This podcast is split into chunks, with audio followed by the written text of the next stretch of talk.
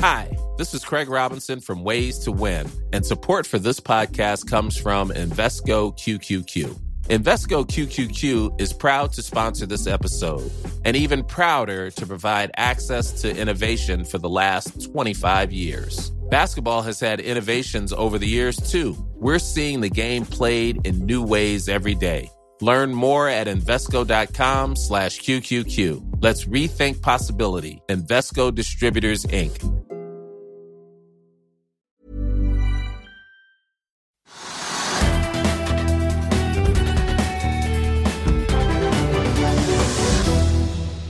Det er torsdag 7. oktober. Velkommen til Økonominyhetene. Etter at eh, Wall Street klatret oppover onsdag kveld, har vi sett en solid oppgang i de asiatiske markedene i dag, og Europa har fulgt etter.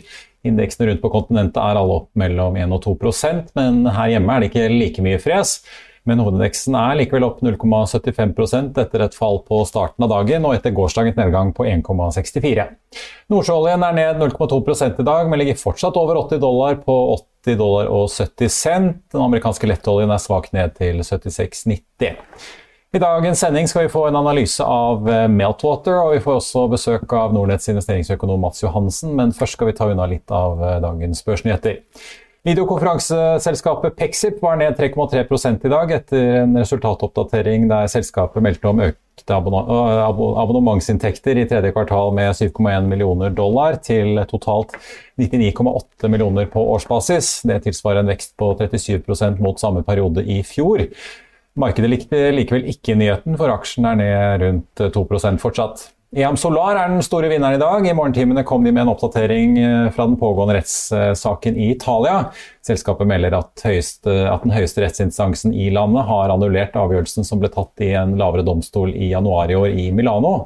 Etter det selskapet forstår, er det dermed den opprinnelige avgjørelsen fra 2019 som blir stående, som sier at EAM Solar ble utsatt for kontraktsvindel i forbindelse med oppkjøpet av P31 Solcellefarmen. Aksjen ble pauset tidligere i dag og er etter at handelen kom i gang igjen eh, opp så mye som 45% og svinger litt nå mellom 35 og 40. SAS er ute med sine trafikktall for september. Selskapet fraktet 1,1 millioner passasjerer. Det er opp 90 fra samme måned i fjor. Målt i passasjerkilometer er kapasiteten opp 74% mens trafikken er opp nesten 90 selv om fyllingsgraden hoppet 17 prosentpoeng til 54% er likevel SAS ikke i nærheten av Norwegian, som meldte om en fyllingsgrad på 72,4 i går. Konsernsjef Hanko Vandar Werft sier at det nå er tredje måned på rad at SAS frakter over en million passasjerer, eh, takket være stigende etterspørsel, men at det fortsatt er usikkerhet i markedet. Selv om SAS tjente 12,5% mindre per passasjer, så økte de samlede seteinntektene med 29,1% mot uh, fjoråret. SAS-aksjen er opp 1,8 i dag, mens uh, Norwegian og Flyr, konkurrentene, er svakt ned. Vi får også ta med at S-banken svingte seg opp nesten 3 i dag, og er opp uh, fortsatt 1,6 etter at Konkurransetilsynet har utsatt den endelige fristen for når de skal svare DNB på om de får kjøpe banken eller ikke. DNB har nemlig kommet med noen avhjelpende tiltak for å komme tilsynet i møte. Hva tiltakene er, vet vi ikke, men tilsynet har tidligere vært tydelig på at det er eh, konkurransen i fondsmarkedet som de er eh, bekymret for. For øvrig får vi ta med at DNB har steget over 11% på bare noen få uker. ABG har hevet kursmålet for banken til, fra 172 til 180 kroner, men gjentar likevel salgsanbefalingen etter den eh, solide oppgangen. Det samme sier Nordea. DNB er opp rundt 1% til 205 kroner nå. Vi får også merke oss at Oslo Børs har ilagt Lifecare et gebyr på 100 000 kroner for brudd på reglene om innsideinformasjon. Det var en melding eh, selskapet sendte ut 5.10 eh, i fjor om deltakelse i et forskningsprosjekt som børsen mener utgjorde innsideinformasjonen allerede 21.9, og som altså burde vært informert om. Da skal vi til analyse- og teknologiselskapet Meltwater, som ble en av de største børsnoteringene i fjor, men etter å ha steget fra introduksjonsprisen på 43,50 i desember og opp til 69 kroner på toppen i januar, har aksjen svingt seg nedover til nye bunnivåer for gründer Jørn Lyseggen og de andre aksjonærene. I dag kom selskapet med nye salgstall som har sendt aksjen opp godt over 6% Vi tok en prat med ABGs Øystein Elton Loddgaard for å finne ut hva som skjer. Øystein, eh, velkommen tilbake. Før vi kaster oss over tallene, så tenkte jeg bare å spørre deg, hva er det du tror gjør at eh, markedet har gitt denne aksjen så hard medfart egentlig siden eh, toppen i januar? Ja, altså det er å si Særlig etter Q1-rapporten at aksjen har vært eh, svak. Den, den, var jo på over 50 kroner til etter Q1-rapporten. Så har de guidet for litt lavere lønnsomhet i det korte bildet. Eh, det snakket de for første gang om på Q1-rapporten, så jeg tror det er en viktig grunn til at aksjen har fått hard medfart. Eh, og så er det ja, det er litt, litt, dårligere sentiment på Euronex Growth om dagen, så, så, det har nok også en påvirkning. Men selskapet skal jo over på hovedlisten, sier de i løpet av Q4, så det tror vi blir en positiv ting også for aksjen. Eh, la oss uh, ta for oss disse tallene som de kom med i dag. Da. De kommer med dette hver måned. Uh, 91 nye premiumkunder, som de kaller det, som altså gir en vekst i årlige abonnementsinntekter, eller recurring revenue, som det så godt heter, på, på 6,6 millioner dollar. Vekstrate på 34% Hva sier du om det? Det er kjempesterkt. Det er den beste måneden selskapet har hatt.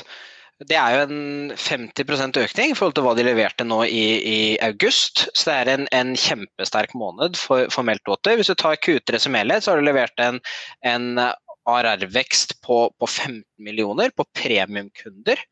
Eh, det er også veldig bra, tilsvarer nesten 15 annualisert eh, ARR-vekst.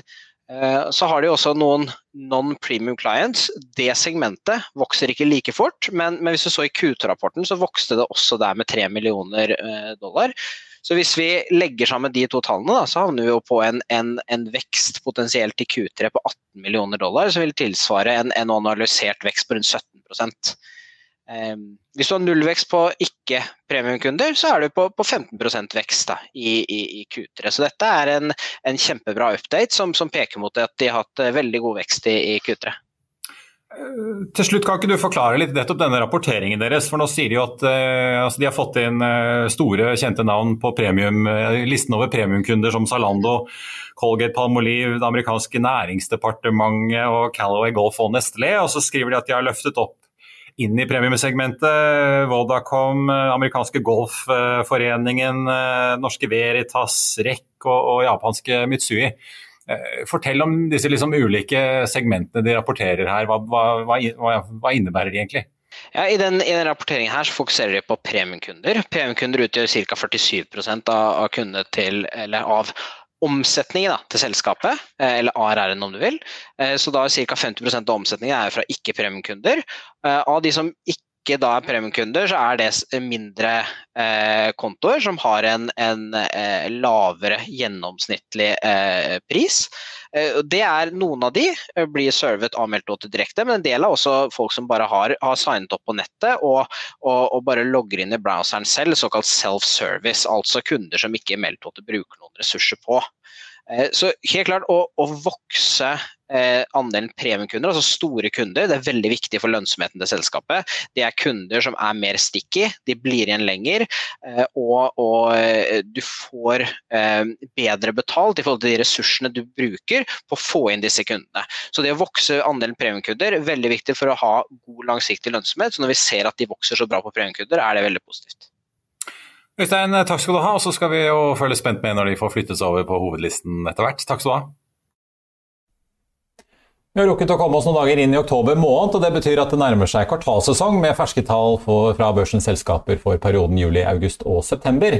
Så hva bør vi følge med på nå, og hvordan er det investorene posisjonerer seg? Med meg i studio har jeg fått uh, Mads Johansen, investeringsøkonom i Nordnett. Velkommen. Takk, takk, Marius. Jeg tenkte kanskje vi skal begynne med hva, altså Dere har jo fått veldig mange nye kunder eh, egentlig gjennom pandemien. og folk plutselig, Jeg vet ikke om de satt og kjedet seg der hjemme og begynte å få fatt interessen for aksjer, ja, men uh, mange er det blitt? Ja, det har blitt veldig mange. Og det har jo vært en fantastisk uh, kall oppblomstring av uh, norske aksjonærer det siste året da, i lys av koronapandemien. Så det er jo veldig positivt, vil jeg tro å påstå. Det er flere og flere som både sparer i enkeltaksjer, men også i fond. Da. Og det er jo noe man har ønsket, både vi i bransjen og selvfølgelig alle alle rundt også i lang lang tid, så må vi bare se på det som en positiv ting på, på lang sikt. Ja, ja. Du, eh, for hele bransjen har jo fått seg et uh, løft, men altså, deres kunder, det er jo mange av dem, eh, de har jo vært, handlet mye gjennom pandemien. Men hva er, som, hva er, det de har gjort nå utover høsten? Er liksom, hvor, er det, hvor er det pengene flytter seg? Pengene har flytta seg. altså Det har jo vært et syklisk år. og Oslo Børs har jo vært uh, fantastisk i således og vært opp omtrent 20% Så vi har jo sett en veldig sånn fart i de sykliske aksjene, altså type fraktselskaper. altså Da tenker jeg shipping i alle mulige former. X-Tank egentlig, og en del flyselskaper, og ikke minst da oljeselskaper da, som har vært vært veldig bra. Og så har det også vært innslag av man kan kalle det kundefavoritter som Kahoot. Vi ser en del kunder som tilstrømmer Nell, og man ser en del sånne litt mindre småselskaper som f.eks. Scatec osv. Som, som fortsetter å handle, selv om de har vært litt, kall det, hatt litt motbør nå i, i 2021. Da. Ja. Men dere hadde altså nettosalg både i august og september, men ja. økende? Så folk altså, trekker, liksom, trekker, folk penger litt ut for å se hva som skjer nå?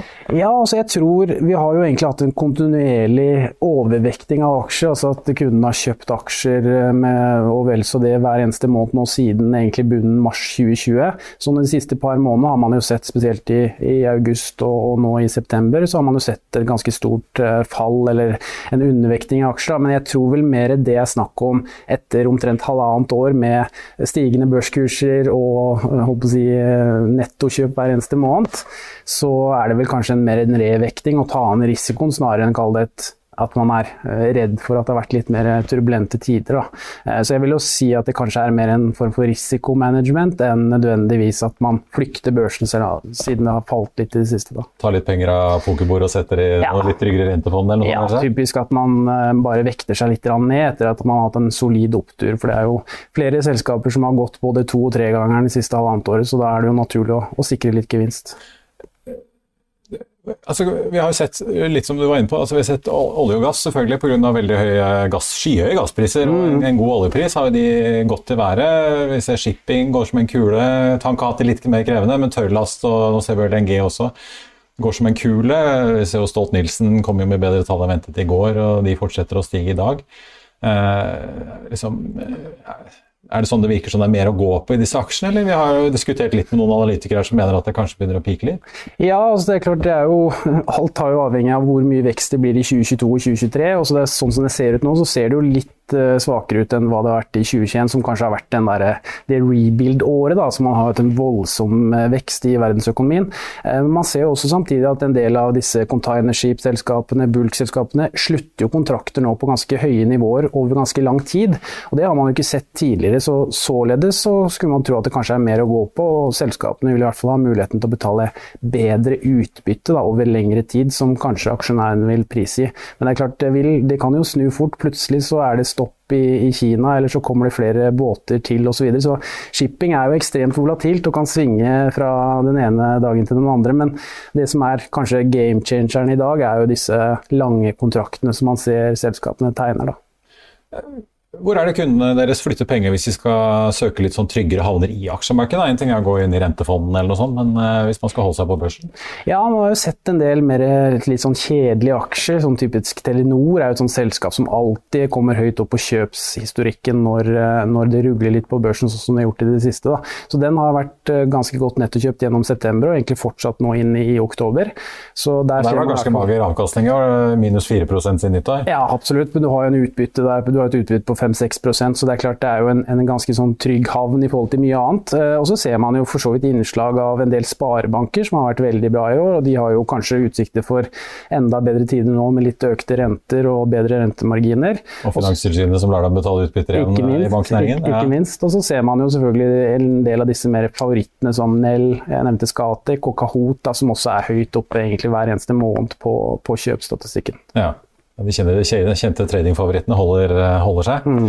Men du, eh, flyaksjer. Eh, det har jo vært eh, et felt som både har interessert lesere og hos oss, og ikke minst investorer, som vi har sett i mange år med Norwegian. Mm. Nå har vi jo flere aksjer inne her. En ting er at vi har SAS og Norwegian, men vi har jo Flyr og Norse Atlantic også. Mm. Eh, er det like stor interesse for disse flyaksjene fortsatt? Ja, det, er, det, fascinerer meg egentlig hver gang jeg ser disse statistikkene. For nå er det vel rundt 65 000 nordiske kunder som eier Norwegian-aksjer. Og det er jo den eh, mest eide aksjen blant egentlig alle de nordiske kundene i Nordnett. Så det er jo helt eh, voldsomt. Og så har man også sett en ganske høy aktivitet i Flyr, dette nye flyselskapet, som har egentlig tilstrømmet mye aksjonærer. Det er vel rundt 13 000 aksjonærer per i dag. Norwegian har vel 35 000 norske kunder, så man er omtrent på 50 000 aksjonærer da, på disse to selskapene. Så det er jo noe veldig annerledes og noe man ikke har sett i andre typer aksjer, selv om de også kan kalles kall det populære. Da. Det er ikke så gærent for fly, det, med tanke på at de har en fire-fem fly i luften, mens Norwegian eh, ligger på rundt 50? Nei, det er det. Også det er jo klart at Man starter jo på et godt tidspunkt. Man har innleid fly, man er kanskje gjeldfrie i forhold til mange andre av disse aktørene som sliter litt med gjeld osv. Så, videre. så jeg tror veldig mange kunder ønsker nå selvfølgelig å kunne fly og reise igjen, og ikke minst da kanskje har tro på at bransjen etter hvert nå skal begynne å tjene penger framover. Og jeg vil jo tro at, eh, sånn som du nevnte i innledelsen her, at eh, disse tallene på, på antall flyseter og fyllingsgrad osv. vil jo bare øke framover. For jeg tror det er en ganske sånn reiselyst både blant eh, Nordnett sine aksjonærer og ikke minst blant befolkningen som helhet. da. Ja, Så blir det spennende å se hva de faktisk klarer å tjene på disse flybillettene sine. For i hvert fall Norwegian-tallene viste jo ikke noe sånn. Selv om trafikken har økt veldig utover sommeren og høsten, så er det jo ikke noe sånn, eh, akkurat noe sånn inntektsvekst per sete å skryte av. Så marginene er jo ikke akkurat på vei opp. Nei, og så har du den flipsiden med at det kommer jo nye konkurrenter til. Flyr er jo inne, SAS finnes jo fortsatt, man har Norwegian og man har jo selvfølgelig Widerøe i Norge. da, så alle sammen konkurrerer om et relativt lite marked. Så det er jo klart at uh, du skal vel ikke være rakettforsker for å spå at det vil fortsatt være ganske skvis på billettpriser eh, framover i tid da, med denne økte konkurransen. Ja, både Ryanair og Eurowings eh, slår seg opp i Sverige i hvert fall. Mm. Du, eh, på, liksom, på, de store investorene så har det jo vært snakket om en trend på børsen om en sånn vridning fra vekstaksjer typisk mange av disse selskapene vi har sett eh, komme inn på Euronex Growth og gå som en kule, over fra de og over mot eh, klassiske verdiaksjer, altså ja, Hydron og Orkland i denne verden.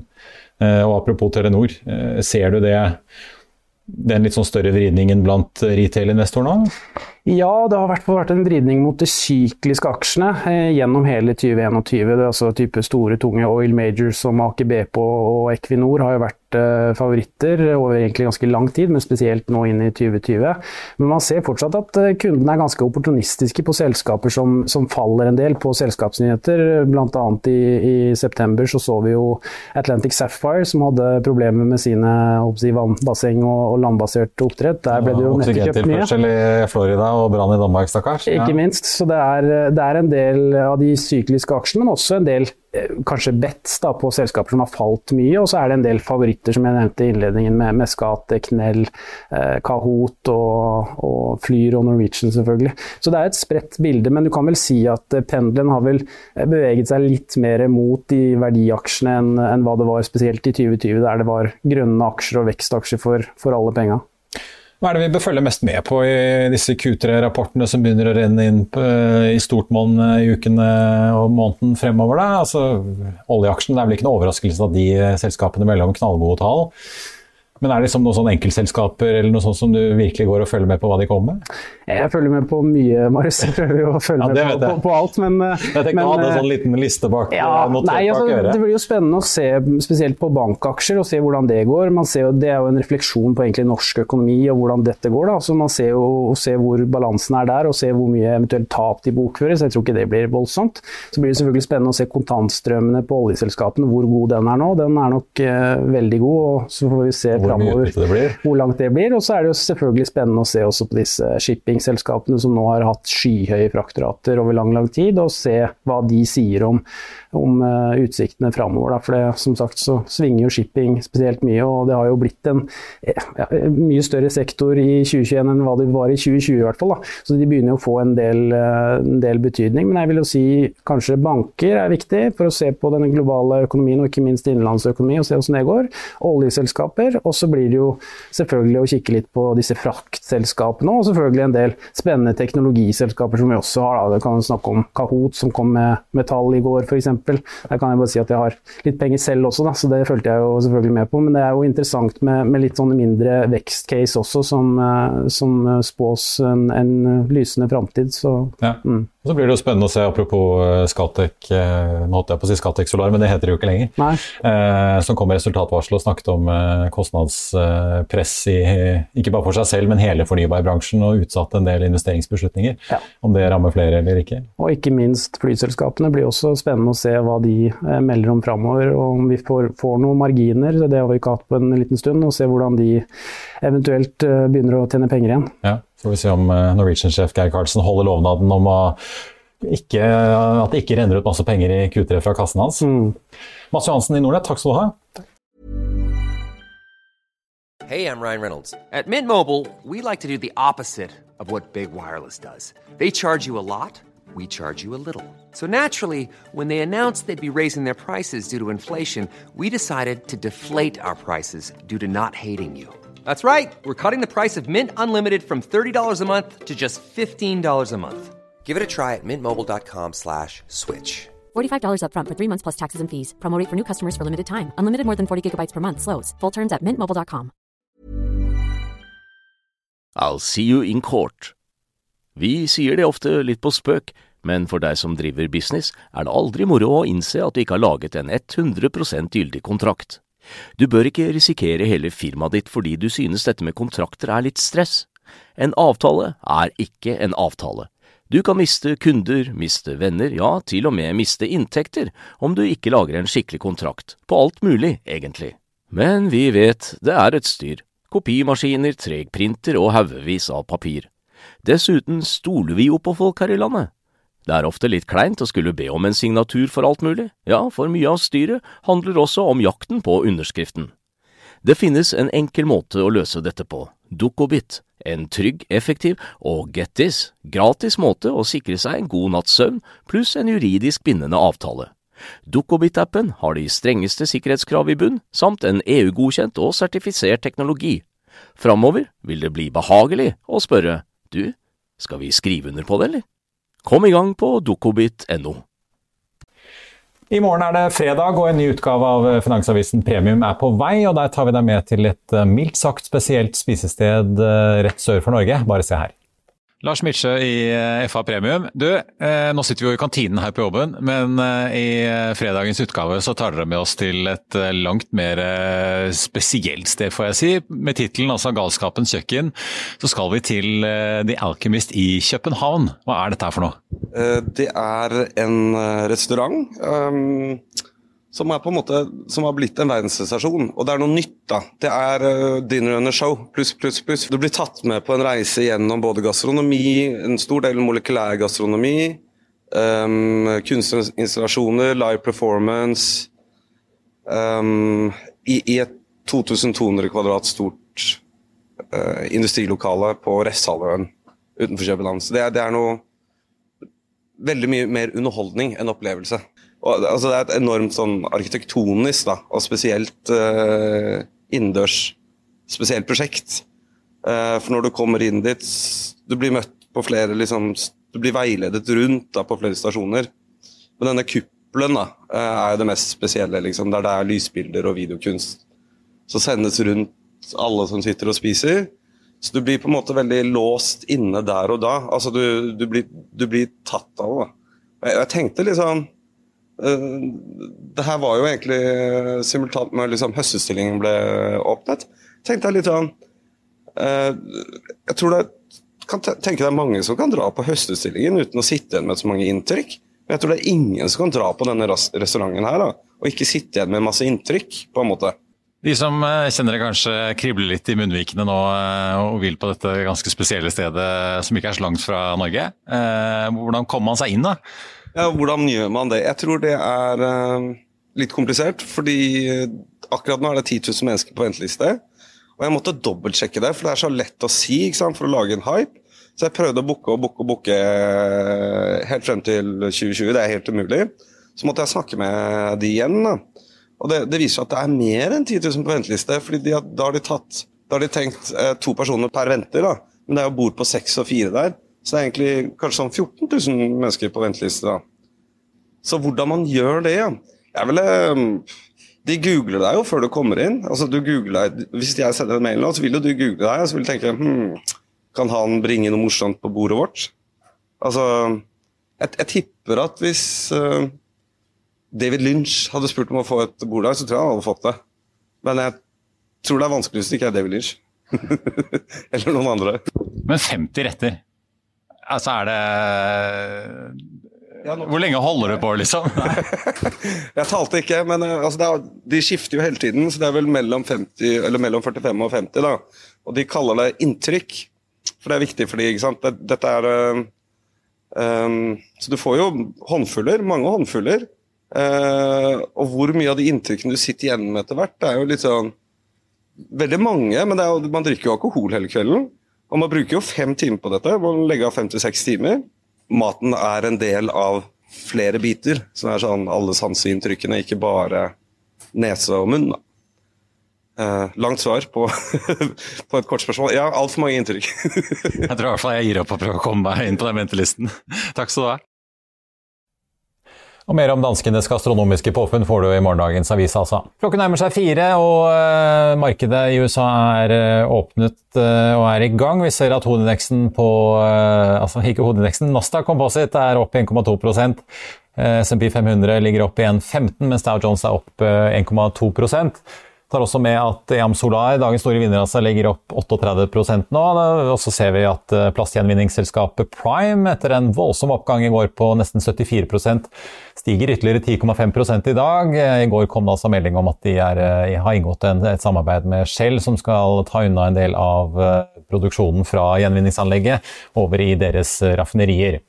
Ellers er eh, Meltwater opp hele 7% nå, SAS opp 1,8 mens eh, S-banken ligger opp 1,76 i Finansavisen i morgen kan du også lese premium, og du kan lese Trygve Hegnars leder om at Stortinget er blitt et lite boligkasino. Du kan lese om hvor mange flere milliarder politikerne får å rutte med i statsbudsjettet takket være oljeinntekter og mindre ledighetstrygd, og du kan lese om en hytteprodusent som nå dobler kapasiteten med et nytt anlegg. Det var det vi hadde for i dag. I morgen er det fredag, så da er vi på luften klokken 13.30, hvor vi bl.a. får besøk av en megler som har blitt eh, sportsgründer. I mellomtiden får du som alltid siste nytt på finansavisen.no. Takk for at du så på, og så ses vi igjen i morgen.